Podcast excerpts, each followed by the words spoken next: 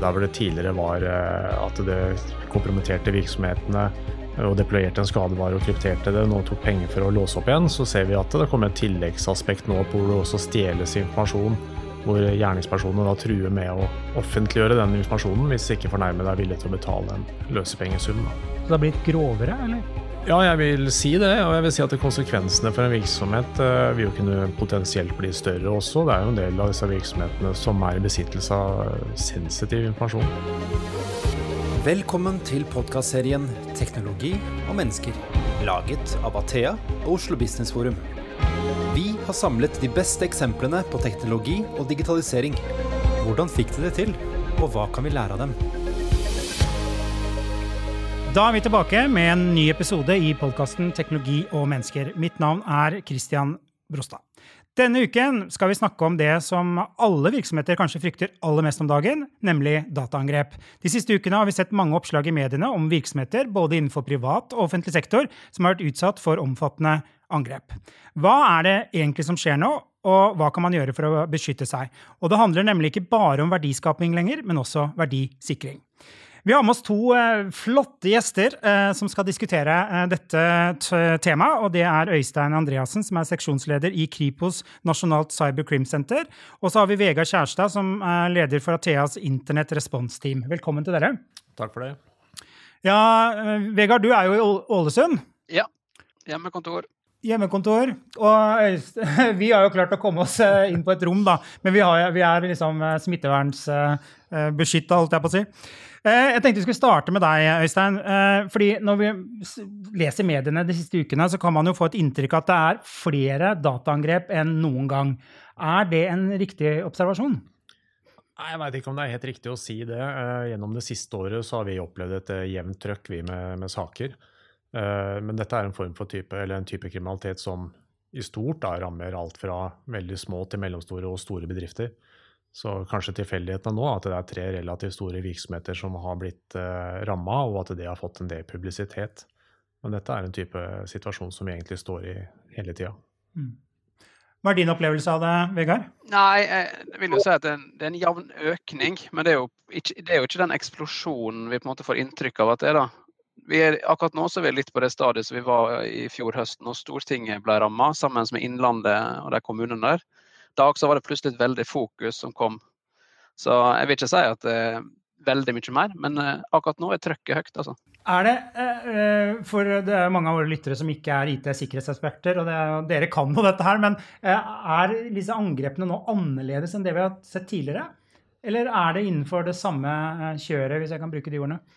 Vi har jo sett en utvikling i, måten eh, disse kriminelle opererer på når det gjelder denne type kriminalitet. Eh, der hvor det tidligere var eh, at det kompromitterte virksomhetene og deployerte en skadevare og krypterte det, nå tok penger for å låse opp igjen, så ser vi at det kommer et tilleggsaspekt nå på hvor det også stjeles informasjon. Hvor gjerningspersonene da truer med å offentliggjøre den informasjonen hvis ikke fornærmede er villig til å betale en løsepengesum. da. Så det har blitt grovere, eller? Ja, jeg vil si det. Og jeg vil si at konsekvensene for en virksomhet uh, vil jo kunne potensielt bli større også. Det er jo en del av disse virksomhetene som, uh, som er i besittelse av sensitiv informasjon. Som ingen lever godt med skal komme ut i offentligheten, egentlig. Mm. Så det er, jo en, det er jo et tilleggsaspekt som man uh, har lagt til da, for å øke betalingsviljen hos fornærmede. Mm. Det vil jeg si. Det blir jo ofte omtalt som en dobbelttrussel, det her, da. Altså en, du får dataen din låst ned og tjenestene utilgjengelige. og så får du da på toppen av det hele trusselen om at dataene slippes fritt på internett. Mm. Og det er stort sett løspengevirus vi snakker om? Ja, det det er det vi leser om. Ja, det er, det er den trusselen vi setter høyest eh, på lista vår, og det, det gjør jo Europol også. Eh, fordi at det, det er jo den vi ser eh, rammer virksomhetene hardest, egentlig. De som blir utsatt for dette her.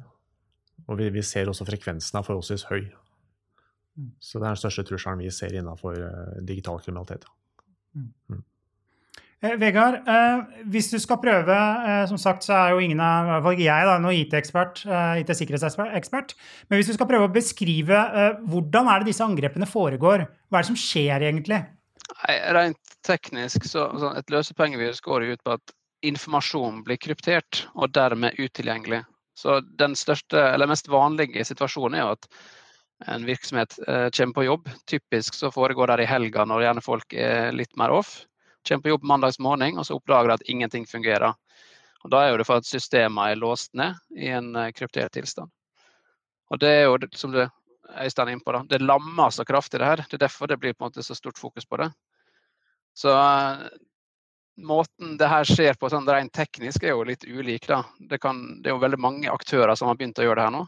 Og vi ser jo i fjor at det, antall nye aktører som på en måte kommer i gang med det her, er ganske kraftig vekst stadig nye kriminelle som på en måte begynner med den type aktivitet. Nei, men starter det i mitt hode, da, jeg er en enkel mann, så eh, starter det rett og slett ved at noen får en eller annen mail hvor noen klikker på noe, og så settes det i gang noen prosesser? Er det sånn det er? Ofte, oftest så er det e-posten som du kan starte med. Nei, etterforskningene våre avdekker i hovedsak tre ulike moduser på det. det. det. ene er at det kan være sårbarheter i systemet som gjør at gjerningspersonene får tilgang til datasystemene. Eller så kan det veldig ofte være en sånn type mail eh, hvor man klikker på et vedlegg som inneholder noe skadevare som gjør at man får aksess til systemene. Eller så ser vi også at fornærmede kan bli fralurt av brukernavn og passord gjennom sosial manipulasjon. Det er vel i hovedsak de tre måtene vi eh, ser at gjerningsmennene får aksess da, til, eh, til, systemene på. Vi, vi, har stort, vi, har stort sett sett den her med at noen tar gjerne eh, den fjernaksessen, da som du sier, enten med at de tilegner seg brukeren av passord, eller at det er en sårbarhet. Da. Det er veldig ofte det har vært sårbarheter i disse fjernaksessene som noen utnytter. Eh, men uh, e-post er jo, uansett hvor du vender og vrir på det, den statistisk største angrepsvektoren. Altså den måten noen tar å komme seg inn på. Det store spørsmålet her er jo hvem er det som står bak? Hvem er disse kriminelle? Vet dere hvem de er? Ja, altså vi, vi, har jo hatt noen saker under etterforskningen nå, og vi, vi samhandler også tett med andre europeiske politimyndigheter som, som også har mange etterforskninger pågående. Og, og, det vi ser, at det er jo organisert kriminalitet da, i nesten sin reneste form. Uh, du har eh, noen, uh, noen, deler av grupperingen som er flinke til å utvikle skadevare. Uh, og så er det andre som tilgjengeliggjør skadevaren da, for de kriminelle som har lyst til å ta og benytte den. Noen selger tilgang til systemene. Så vi ser at det er veldig sånn delt opp. Mm. Og eh, internett selvfølgelig gjør, gjør, det jo sånn at disse trenger jo ikke engang å vite hvem de ulike aktørene er. De kan jo søke sammen i ulike forumer på nettet og så kjøpe tjenester av hverandre. Så det er, jo, det er, jo, det bildet som tegner seg når vi etterforsker disse sakene, at vi ser at det økonomiske utbyttet blir delt på flere aktører etter fastlagte maler. Og siden det ikke stopper, så må det jo være lønnsomt, da? Det er veldig lønnsomt, og det er jo Nå husker ikke jeg tallene i hodet, altså, men, men beregninger tilsier at det er jo en veldig veldig stor industri, dette her. Med veldig høye utbytter. Mm. Og vi ser jo dessverre at det er flere virksomheter som ser seg nødt til å betale her, og da er det jo høy gevinst med lav opptakelsesrisiko, vil jeg si.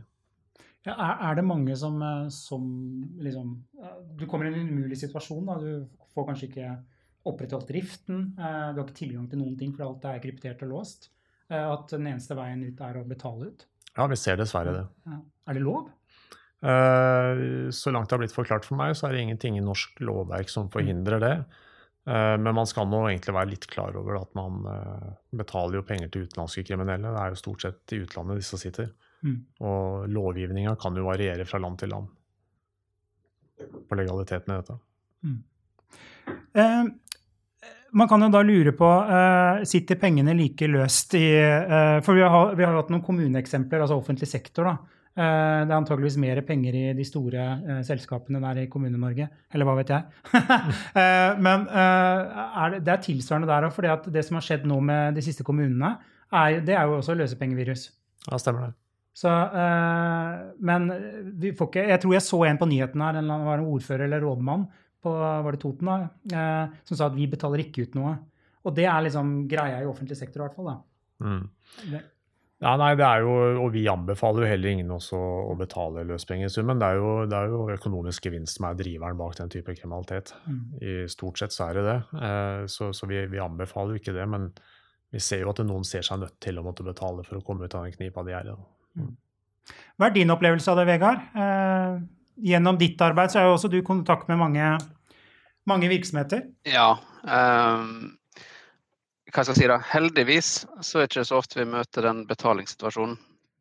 Uh, men, men, eh, det bildet her er litt sånn det er, ikke så veldig, det er ikke så lett å gjøre det svart eller hvitt. Det er ganske kompliserte situasjoner å komme opp i, og du kommer opp i det bare helt plutselig og hvordan skal du Altså, du har gjerne noe du skal levere til andre eh, virksomheter igjen. Du har kunder, du har ansatte Altså, du blir så lamma, og det er en så vanskelig situasjon. Og i verste fall så kanskje taper du informasjon du ikke klarer å få tilbake på annet vis. Så det, det, er en del nyanser her som eh, er lurt å gjøre seg opp en mening om på forhånd. da. Eh, men vi heller anbefaler selvfølgelig ingen å betale. Eh, men eh, jeg har i en del situasjoner forståelse for at det blir en tematikk kan jeg vel si. Ja da, men jeg ønsker også å legge til at det å betale gir jo heller ingen garanti for at problemet er løst. Du kan jo på kort sikt få tilbake dataene, ja. men gjerningspersonene vil jo fremdeles potensielt ha et uh, fotfeste i systemene, så at opprydningsjobben i etterkant blir like omfattende som han ville vært hvis du ikke betalte. og Det er en del problemstillinger rundt dette her. altså. Og, og den biten som Øystein sier, er kjempeviktig å forstå. For det, det, det, det finnes ingen quick fix. Det er ikke sånn at du betaler en sum med penger, så funker alt igjen. Det, du må i stor grad gjøre akkurat de samme grepene. Forskjellen er om du har dataen din i stor grad. Så mm. de fleste må bygge opp systemene sine mer eller mindre på nytt. Sikre dem på en god måte. Finne ut hvordan det her foregikk. Så det, er, det var jo en undersøkelse for et år eller to tilbake der det var uttalt at så og så mange styreledere eller norske virksomhetsledere ville betalt. Eh, den, den, undersøkelsen skulle jeg gjerne likt å sett, for den tror jeg mangler litt kontekst og forståelse for hva en sånn situasjon egentlig handler om. Ja, det tror jeg, og det er jeg helt enig i. at Da, da har du litt begrensa innsikt i hva egentlig problemstillinga er. Og så tenker jeg at eh, der vi ser utviklinga gått nå, hvor eh, informasjonen blir eksfiltrert og gjort tilgjengelig til salgs på internett, Altså Selv om du betaler løspengesummen, så vil de kriminelle like for dem ta tilgang til opplysningene dine og kan forvalte de som de vil. altså Problemet er ikke løst ved å betale. Du mm. får, du får en kjapp tilgang til dataene dine. Men det er som Vegard sier, oppryddinga blir akkurat det samme. Du står fremdeles i den uvissheten at det kanskje det mest sensitive og mest verdifulle du har, er noen andre som kan forvalte som de vil. Mm. Er det der ofte det, the dark web som alle har hørt om, men ingen har vært på? Jeg vet ikke om dere har vært der, men er det der den, den, informasjonen gjøres til salg, eller hvor er det, hvordan Kanskje jeg spør om litt for mye, men Nei, nei det, er, det er helt legitimt spørsmål. det. Nei, vi, vi, ser at det ligger på forumet både på det åpne nettet og på mørkenettet. Vi. Mm. Informasjon til salg også på norske virksomheter. Og flere av disse skadevarefamiliene eller skadegrupperingene da, som Vegard refererte til i stad, de, de, har egne nettsider hvor de publiserer bedrifter de har kompromittert. Hvor det kommer fram typisk sånn nå er den og den bedriften kompromittert. Vi vil legge fram bevis på det ganske raskt. Og så legger de ut litt av den informasjonen de har tilegna seg, for å øke betalingsviljen da, til fornærmede. Mm. Hvem er kjøperne? Av den informasjonen? Ja. ja. Det har vi i veldig liten grad ettergått, mm. egentlig. Men det er jo eh, veldig mye av denne informasjonen som ligger i de systemene, kan jo benyttes til å begå ny kriminalitet. Så sånn helt overordna så er det kjeltringer som er kjøperne av dette her også. Ja. For å kunne bruke informasjon til ny kriminalitet igjen. Mm. Mm. Eh, når man snakker om disse IT-angrepene også, eller dataangrepene, så eh, har vi i hvert fall tidligere lest en del om at det er også stater som står bak. Det er jo ikke bare vanlige kriminelle eller hvitsnippkriminelle, eller hva man kaller dem. Uh, er det, det er fremdeles sånn vi tenker på Det er vel egentlig alle? Alle stater driver med dette her, eller? Eller hvordan er den vektingen? Ja, nå er det jo kriminalitet, da. Ja. begått av kriminelle som er, som er, politiets mandat. Der ja. Vi har jo andre statlige aktører som tar seg av aktivitet fra statlige aktører. Men uh, vi, vi, har ikke utført noen etterforskninger som viser den koblinga der. Jeg er kjent med at det er flere sikkerhetsselskaper som gjør koblinga. Mm. Jeg er også kjent med at WannaCry-kampanjen bl.a. ble attribuert til en fremmedlig stat, men det er ikke noe vi har sett i våre etterforskninger. Mm. Så jeg tror ikke jeg skal si så mye om det. Ja. Uh, Vegard, jeg tenkte uh, Det var jo egentlig innledningsspørsmålet mitt til, til deg um, her. Da. Det var jo at vi leser mer om dette. Uh, Vegard, hvor viktig er det at virksomheter er åpne om at de har vært utsatt for et dataangrep? Nei, jeg har jo tidligere vært i ulike fora og sagt at jeg supporterer i stor grad åpenheten. Nå er jo det igjen da ulike situasjoner, ulike virksomheter som må håndtere det ulikt. Men, men eh, altså, den lærdommen vi kan ta med oss fra ett angrep, den kan beskytte så ut, altså, ubegrensa antall andre virksomheter. Da. For det, metodikken, selv om det er nye sårbarheter og nye eh, angrepsvåpen osv., så, videre, så metodikken er ofte lik. Og det er en del sånn hygienefaktorer som vi kan bli gode på, som vil i stor grad redusere risikoen for at våre virksomheter blir tatt. Og så er det veldig viktig å forstå at det, selv om vi nå leser om en del store akkurat i disse dager, eh, både offentlige og private som har blitt tatt, så er det veldig mange små som blir tatt uten at vi leser om det. Eh, fordi at de havner ikke i like stort søkelys. Men, men, men de har ikke noe sånn målretta på at de skal ta de, kun de store. Vi har eh, bedrifter ned i ti-fem ansatte for den del som blir tatt av den type angrep. Så alle er av interesse. Og det er jo litt sånn som Øystein sier, det er et økosystem. De kjøper tilganger fra noen andre som har hacka noen. Altså, ja. Men jeg ønsker bare å legge til der, altså jeg tror dette med åpenhet er veldig viktig. Og i hvert fall det å formidle denne informasjonen til politiet. Én uh, ting er at vi, vi, etterforsker og søker å finne ut hvem som står bak, selvfølgelig. Men en annen ting er jo også å høste lærdom om hvordan disse angrepene har blitt begått. Sånn at vi kan bruke det i forebyggende øyemed i neste runde. Uh, så, så, det er jo noe med det at den, den, informasjonen og den lærdommen vi kan trekke ut av én sak, kan vi bruke til å forhindre nye angrep hos nye virksomheter. Da. Og det er, noe, det er noe forebyggende aktivitet som er vår primærstrategi for å bekjempe kriminalitet. Så det er viktig. Det er veldig viktig. Og, der er det litt sånn, det som jeg opplever fra min side, da. Klart, Jeg kan jo ikke drive og fortelle andre sin historie, men jeg kan jo ta essensen av den og dele den eh, med de vi møter på. Og det gjør vi jo i stor grad. Min, min erfaring er at vi har fortsatt et godt potensial for å nå ut til massen. da. For vi når ikke nødvendigvis de riktige personene alltid. Der er mange som har eh, behov for å virkelig ta til seg denne eh, erfaringen da, og gjøre sine grep. Og i disse dager, så, Det som er litt interessant i disse dager, er jo det som altså, Toten har jo vært veldig åpen. Eh, gikk tidlig ut og var åpen. og Vi opplever jo fra veldig mange av våre kommunale kunder nå at de søker informasjon. De vil vite hva kan vi gjøre. Og Et av de rådene som har vært brukt mye i det siste og for så vidt eh, utover fjoråret også, det er jo dette med å ha kontroll på backupen. Altså Du er sikker på at en angriper ikke kan ødelegge, sabotere backup-løsninga di, sånn at du har iallfall noe data.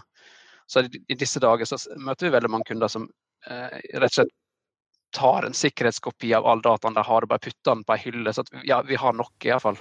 Jeg syns Vegard peker på en viktig utfordring der, og det er å nå fram til massene her. Da. Eh, det mangler ikke på, på rapporter verken fra myndighetsorganer eller private sikkerhetsselskaper som belyser trusselen. Men jeg er ikke sikker på om vi når ut til de som trenger disse rådene mest. da. Jeg, jeg tenker, Driver du slakteri, så lever du kanskje av å lage pølser og ikke med data, driver med datautstyr. Datautstyret blir et hjelpemiddel for deg, den primære driften du driver. da. Så det å komme fram til dit hvor det blir like naturlig å sikre datasystemene som å låse butikken når du går inn om kvelden, vi er ikke der ennå. Og der tror jeg vi har en utfordring å nå fram. altså. Det, det tror jeg. Helt åpenbart. Mm.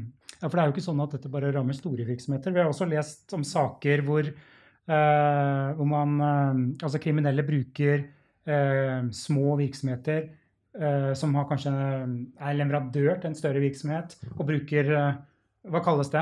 Verdikjeden. Verdikjede, ja.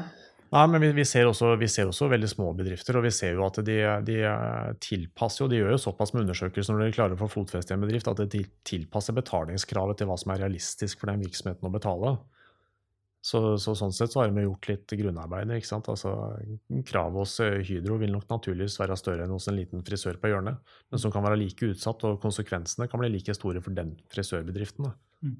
Er det også din opplevelse, Vegard, at uh, små virksomheter tenker at ja, ja, dette angår ikke meg og min virksomhet, så det er ikke så nøye? Det er jo kanskje en av de største gjentakende kommentarene jeg har hørt opp gjennom åra.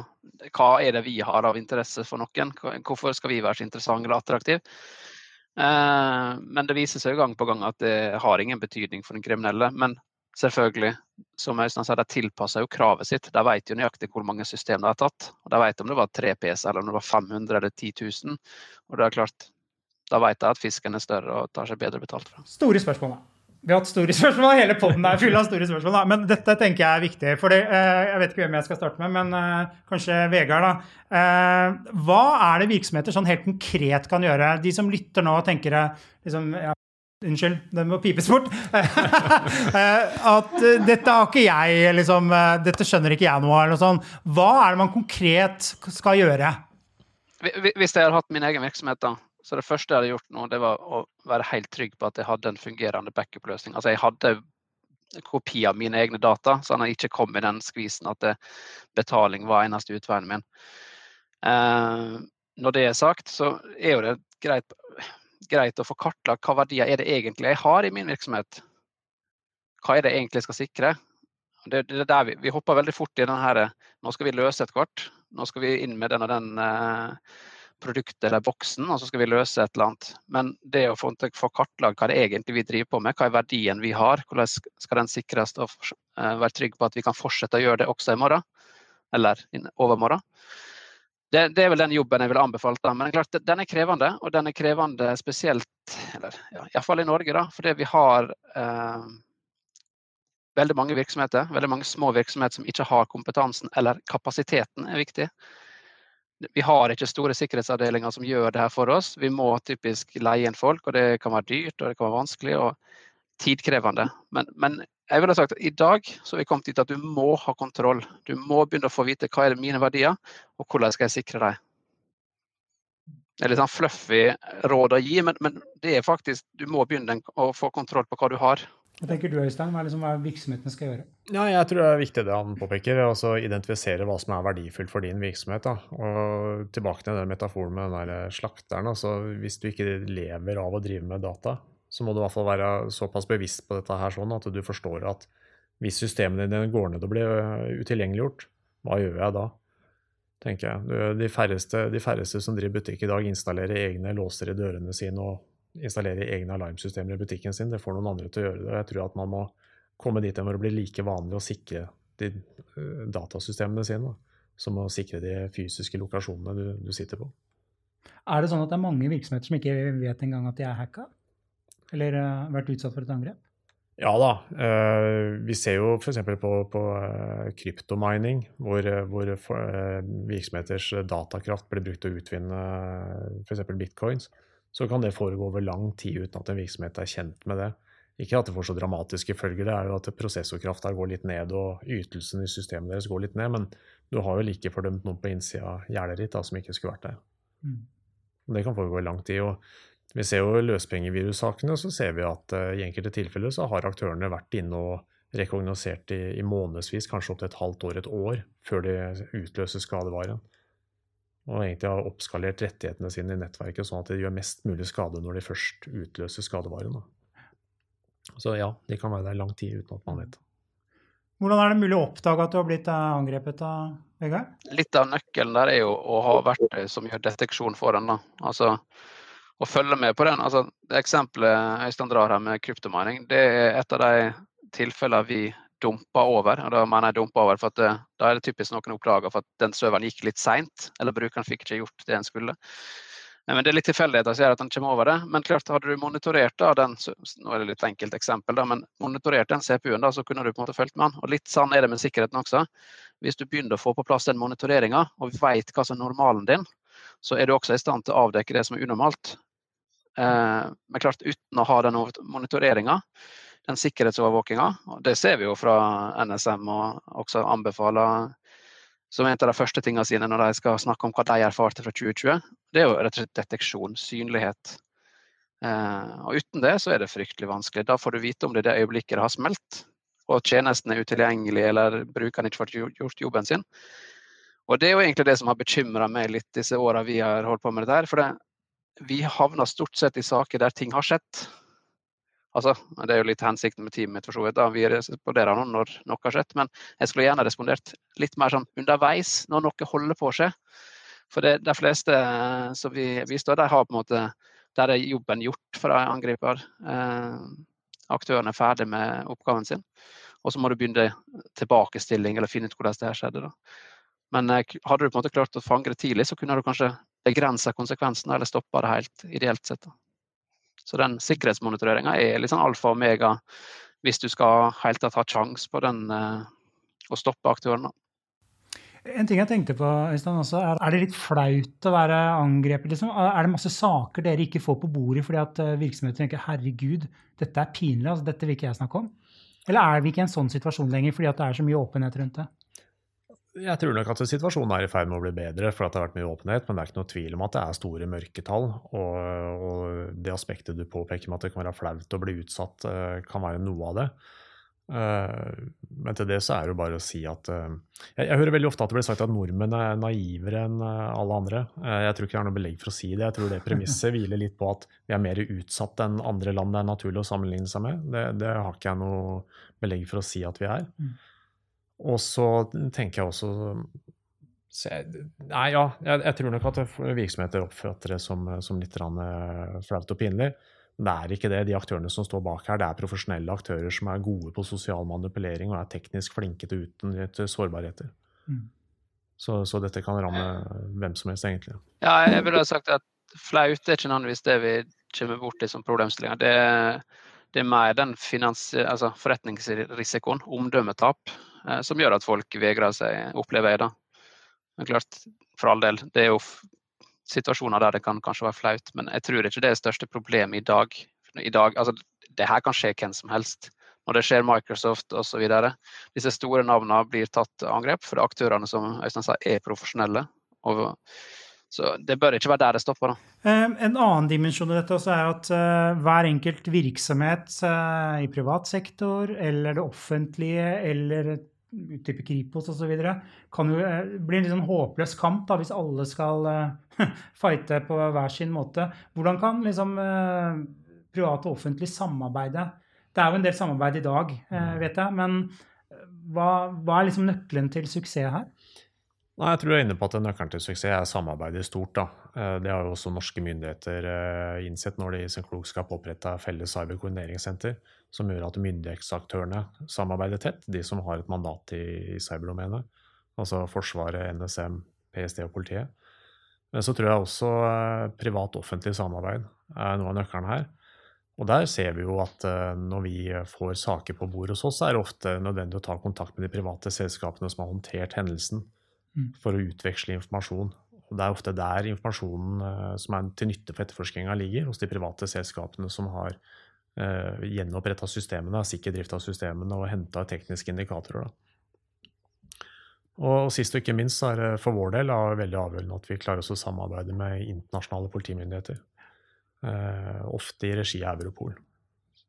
Så det er også en sånn uh, suksessfaktor for oss. Men samarbeid er helt essensielt. Det er viktig. Mm. Hva er dine refleksjoner om det, Vegard? Er det godt nok samarbeid? Eh, nok er jo et vanskelig ord, da. Men eh, det, det, blir stadig bedre, kan jeg vel mene. Eh, det er jo selvfølgelig Det blir jo strekt en hand i begge retninger. Og jeg opplever jo med den posisjonen Øystein har, og den dialogen vi har eh, utenfor også, som veldig positiv. Og et ønske om å bidra med informasjon i begge retninger. Eh, for min del så er jo det sjelden altså, Som jeg sa i stad, det er ikke min historie å dele ofte. Og det gjør at jeg må begrense meg litt. Men eh, klart, vi skulle gjerne ønske enda mer informasjon for å forstå angrepene som vi ikke er direkte involvert i. For det her med, som du spurte litt om tidligere, hvordan skjer det her? Hvordan er det noen tar seg inn i en virksomhet? Den, det er der kanskje det største læringspunktet for mange er. da. Og klart, det er veldig mange som sitter disse dagene her nå og søker informasjon. Hva var det som skjedde hos deg og deg og deg? Hva kan vi gjøre for å unngå det? Eh, og klart, Da er det lett å si at vi ønsker at den informasjonen skal bare flyte fritt. Men så er jo det sånn at der er jo en del interesse, og det forstår jeg jo i forhold til politi og etterforskning også, at en kan ikke dele alt til enhver tid. Så, ja. En viktig ting her også er at vi har lest flere rapporter på at eh, vi mangler jo IT-sikkerhetskompetanse. Eh, i Norge. Eh, og en rapport eh, jeg kom borti, er jo at vi vil ha et kompetansegap på IT-sikkerhet på 4100 personer i 2030. Ikke sikkert at vi kommer dit, da, men det, er jo liksom dramatiske tall. Opplever, liksom, hva er din beskrivelse av det bildet, Øystein? Nei, jeg har ikke så mye tanker rundt akkurat det. Det er, jo, det er jo tall som har blitt brakt på bordet, og det er jo ennå tid til å gjøre noe med det. Og det har blitt fokus på det. Mm. Det har det jo blitt. Utover det så har jeg ikke noe. Da må Vegard snakke om det. Vegard, hva tenker du? Er det, er det, vanskelig å få tak i kompetanse? Ja, altså, jeg har en mening om altså, Tallet for tallet sin del har jeg, det har ikke jeg forhold til. Det er bare tall for meg. Men det var litt sånn som jeg var inne på i stad, at det vi mangler i veldig mange norske virksomheter, er på en måte den her sikkerhetsansvarlige personen. Den som har fått rollen om å ta, liksom, ta tak i det og drive kontinuerlig arbeidet den personen mangler. Og I den sammenheng vil jeg tro at vi har definitivt et underskudd på personell og kompetanse, hvis at alle skulle hatt det. Men vi opplever iallfall et trøkk, og vi søker stadig nye folk. Eh, både internt og eksternt fra til eh, min gruppering. Det, så vi opplever jo en vekst og et behov for det. Da. Men eh, selve tallet 4000, det, det har jeg ikke noe forhold til. Sånn. Eh, vi går eh, mot slutten, men det er ett sånn eh, litt sånn eh, Hva heter det? Eh, spå litt i kula, som det heter. Eh, hva tenker dere om fremtiden? Blir dette bare verre og verre? Øystein? Om det blir verre og verre, veit jeg ikke, men om det blir mer alminnelig, det tror jeg nok helt sikkert. Eh, målet vårt er jo at et eh, nasjonalt cyberkrimsenter kanskje på sikt skal bli overflødig, for at dette er eh, kriminalitet som politiet skal kunne etterforske på lik linje som annen kriminalitet. Så jeg tror nok at det blir mer alminnelig. Jeg tror folk kommer til å få et mer forhold til det på sikt enn det man har i dag. For jeg tror nok noen tenker at dette kommer ikke til å ramme meg, for jeg har ikke noe av verdi allikevel. Jeg tror det kommer til å endre seg. Det er jeg helt sikker på. Mm. Eh, Vil eh, Det er kanskje vanskelig å spå, men eh, type kriminell aktivitet, vil det også endre seg, liksom? Jeg tenker, Jo flinkere vi blir til å stå mot Vi vil alltid ha kriminelle. Så vi vil finne andre måter å gjøre dette på, da. Ja, og det har vi jo sett opp gjennom åra, det at det kriminelle endrer, eller evner å endre seg i kraft med at det blir satt, imot, eller satt i gang eh, mottiltak. Da. Så, så finner man jo bare nye arenaer å få økonomisk vinning på. Mm. Så det tror jeg er sikkert. Det er ingen som blir arbeidsledig her. Ingen som blir arbeidsledig. Og Vegard, hva, hva er, di, hva er din, dine spådommer? Nei, akkurat, akkurat nå har vi jo snakka mye om uh, løsepengevirus, ransomware-biten. Eh, men, men det er jo veldig mye andre typer angrep vi opplever vel så mye av i volum. Eh, og vi ser egentlig større beløp gå ut på den typiske rene svindel- og manipulasjonstypen som løsepengevirus. Men, men eh, ja, jeg, jeg håper Øystein har rett at det, blir færre, eller det blir mer vanlig, og en erkjenner den risikoen det her faktisk utgjør, og har den med helt fra ledelsen i selskapet. Da, sånn at det, det, er noe vi er vant med å jobbe med. Men eh, vi, erfaringen tilsier at det vil fortsatt en vei igjen å gå før vi er der. Altså. Men eh, jeg håper. Så det er ingen grunn til å legge seg i sofaen og se på Netflix. I hvert fall. Men, men det, det, det, bare for å skyte det, da. Det datt av tunga i stad. Det som vi har ser, er jo at disse kriminelle er jo Altså, kynismen i kriminaliteten er jo eh, stor. Altså, hvis vi går et år eller to tilbake, så har vi hatt disse her e-postene som folk har fått. At eh, vi har sett på, eller vi har filma det mens du har sett porno. Den enkle form for svindel der har jo hatt Det er veldig mange som flirer av det og sier at ha-ha, det skjønte vi var spam. Men tallene viser jo det at det er, ganske mange som har betalt ut slike beløp for å unngå den frykten det utgjør, eller den skammen. da. Og klart, Det er en veldig sånn, enkel form for uh, svindel. Og så vet vi at de er vel så kapable til å gjøre grovere trusler. True med å bruke informasjon vi har lagt ut på Facebook om ungene våre eller hvor vi bor. hen. True med leie ditt og leie datt. Uh, så klart, jeg har ikke noen erfaring til den type ting, men du leser jo den type ting. da, og Hvis de fortsetter å gå ned den veien og bli mer kyniske, så vil det bli en ganske slitsom framtid. Ja da, og vi, vi, jobber jo med den type kriminalitet som, som Vegard beskriver her også. Vi ser jo at det, er, det, er, lett å tenke at datakriminalitet liksom, det er kriminalitet retta mot systemene, og sånn, men vi ser at den type kriminalitet som Vegard skisserer nå, det, det har jo en menneskekostnad ved det òg. Det er jo personer som blir utsatt for dette her, og, og som føler et voldsomt ubehag eh, når de blir rammet av dette her. Så, så det er jo ikke bare kriminalitet retta mot teknologien, det er jo kriminalitet retta mot mennesker som føler det på kroppen sjøl. Bra. Da skal vi over til vårt faste spalte. Digitale vaner. Bli kjent med gjestene ved å snoke deres digitale liv. Hva gjør de egentlig på nettet? Hvilke favorittapper har de? Er det streaming eller linær-TV som gjelder? TikTok eller Snapchat? Vi spør i Teknologi og mennesker. Ja, da skal vi snoke litt i deres private digitale liv. Er dere klare? Det er veldig enkelt. da. Dere får to alternativer, og så skal dere velge et av alternativene. Og det er ikke lov å finne på et tredje alternativ, så her er det veldig låst, altså. Jeg tenker vi starter med, med Vegard. Digitale eller fysiske møter? Eh, hadde du spurt meg for et år siden, så har jeg sagt at digitalt må være fint. Men eh, nå kan jeg godt tenkt meg litt fysiske møter. Nei, jeg, jeg, jeg, bor jo her jeg bor, så jeg er vant med å utnytte digital teknologi og tar gjerne digitale møter fortsatt. Jeg er så analog av meg at jeg vil helst ha fysiske møter. Ja. Ja. Nei, det har vært et skifte der, men det er jo litt sånn påtvunget. Det er påtvunget. Mm. Ja. Eh, Vegard, Instagram eller TikTok? Tredje alternativ var ikke lov. Nei. Nei. Eh, Du er ikke på noen av dem? Nei. Eh, jeg benytta meg av ingen av delene. Eh, men hva skal jeg si? TikTok. Det var mye fascinerende på TikTok, så vi får gå for det. Ja. Politiet har jo ikke lov å si TikTok. Nei, men jeg, jeg har aldri deltatt i noen sosiale plattformer i det hele tatt. Jeg, så jeg, LinkedIn, da? Nei. Er du ikke der heller? nei. Ja.